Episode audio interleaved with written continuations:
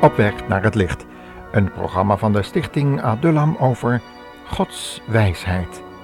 Een bijbelstudie over Spreuken 1 vers 20 tot 33.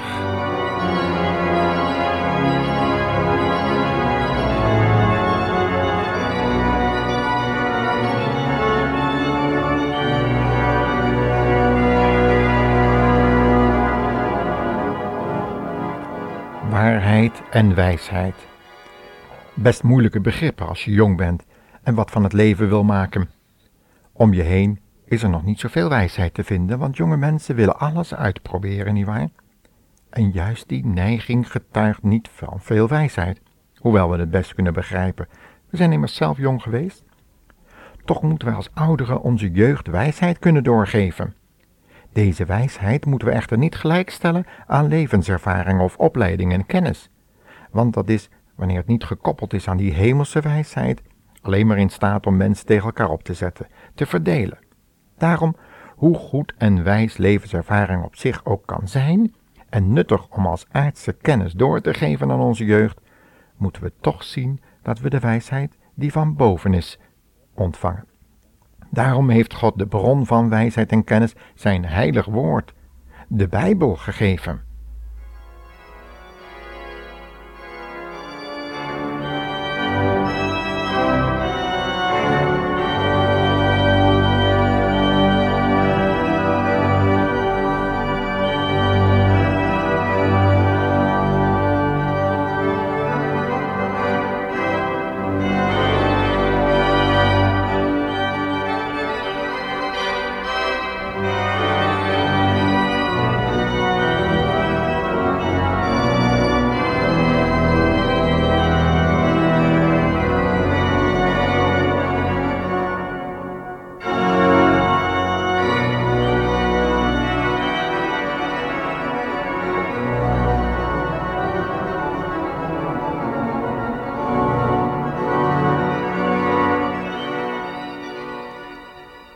In deze uitzending willen we om die reden dan ook de Bijbel openen om wijsheid van boven te ontvangen.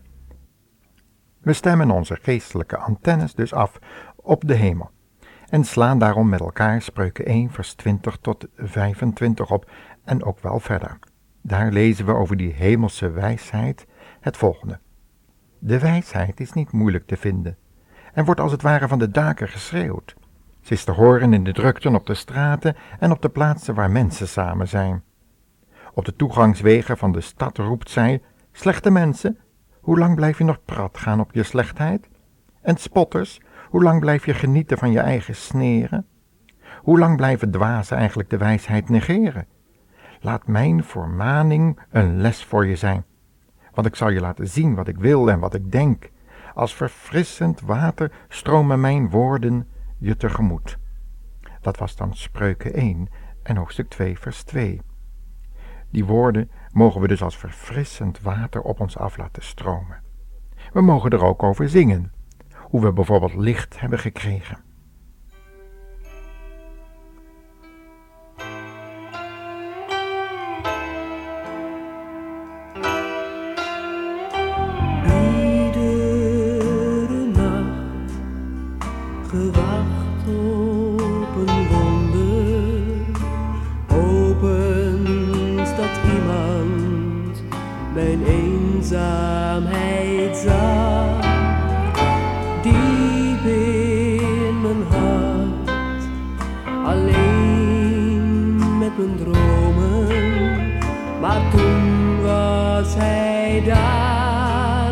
Als een ster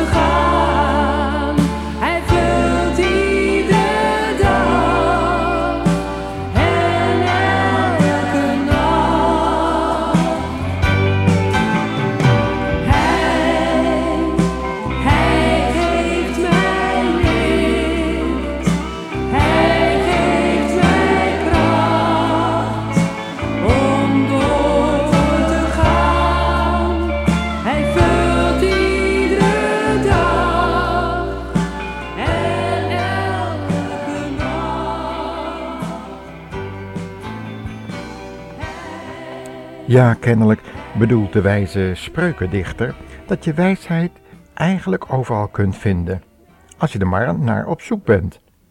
God heeft gezorgd dat ieder mens zijn wijsheid kan vinden.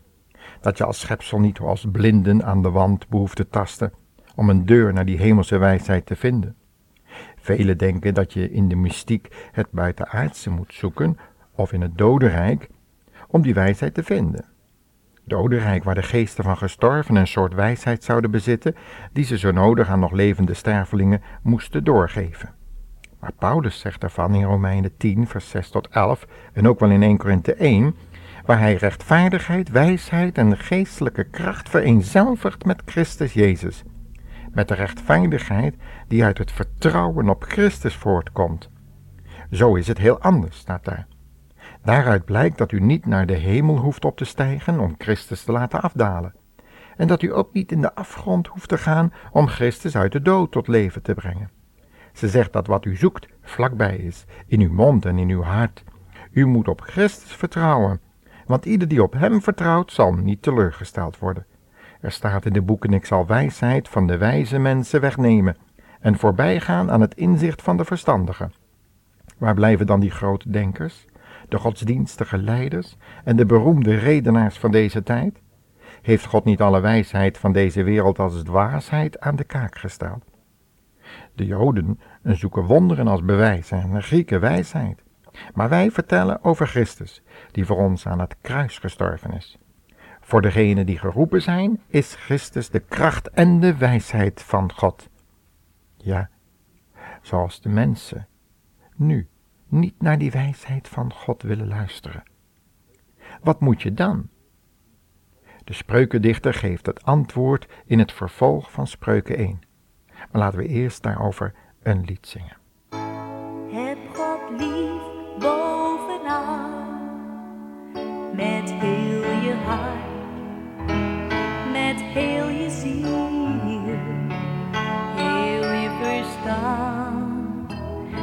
En al je kracht.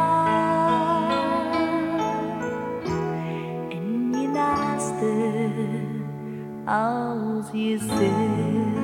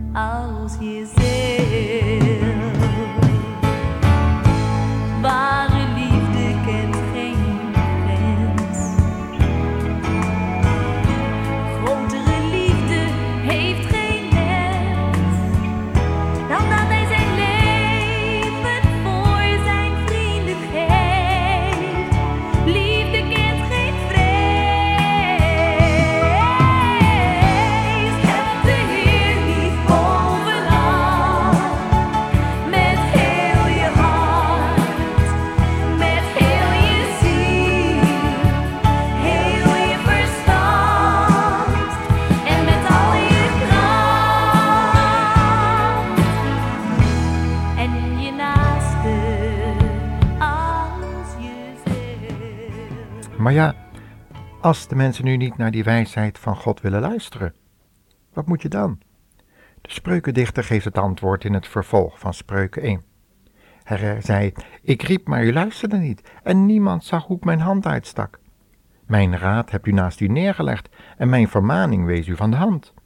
Uw leven zal snel en meedogenloos worden verwoest, zodat er niets anders overblijft dan angst en uitzichtloosheid. Ja, u zult er wel naar mij roepen, maar geen antwoord meer krijgen. U zal dan uw best doen om mij te vinden, maar zonder resultaat. Want u wilde toch immers niets weten van kennis en inzicht, van eerbiedig ontzag voor de Heere? Je legde toch mijn adviezen naast je neer? en schokschouderde over mijn vermaningen. Daarom moet je nu de gevolgen dragen en ondervinden wat je je op de hals hebt gehaald. Want de onwil wordt je dood. En je voorspoed zal bedriegelijk blijken. Die kan de val niet voorkomen. Maar wie naar mij luistert, hoeft zich nergens zorgen over te maken, want dergelijk onheil is voor hem niet weggelegd. Mijn zoon, luister dus naar wat ik zeg en schat mijn aanwijzingen op hun waarde. Dan krijg je een oor voor de echte wijsheid en zal je verstand worden gescherpt.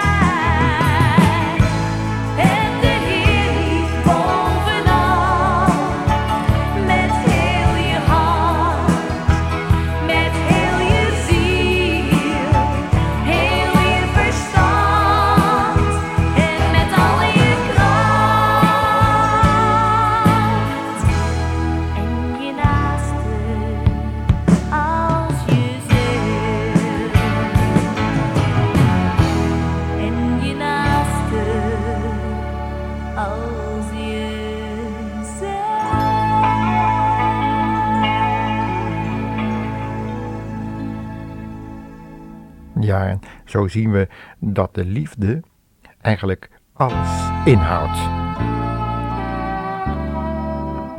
Hebben wij in onze verdeelde kerken nog een inspirerende boodschap voor onze jongeren? Of moeten wij onze inspiratie halen uit het dodenrijk of de mystiek? Laten we maar dicht bij de Heer Jezus blijven. Daar is het goed.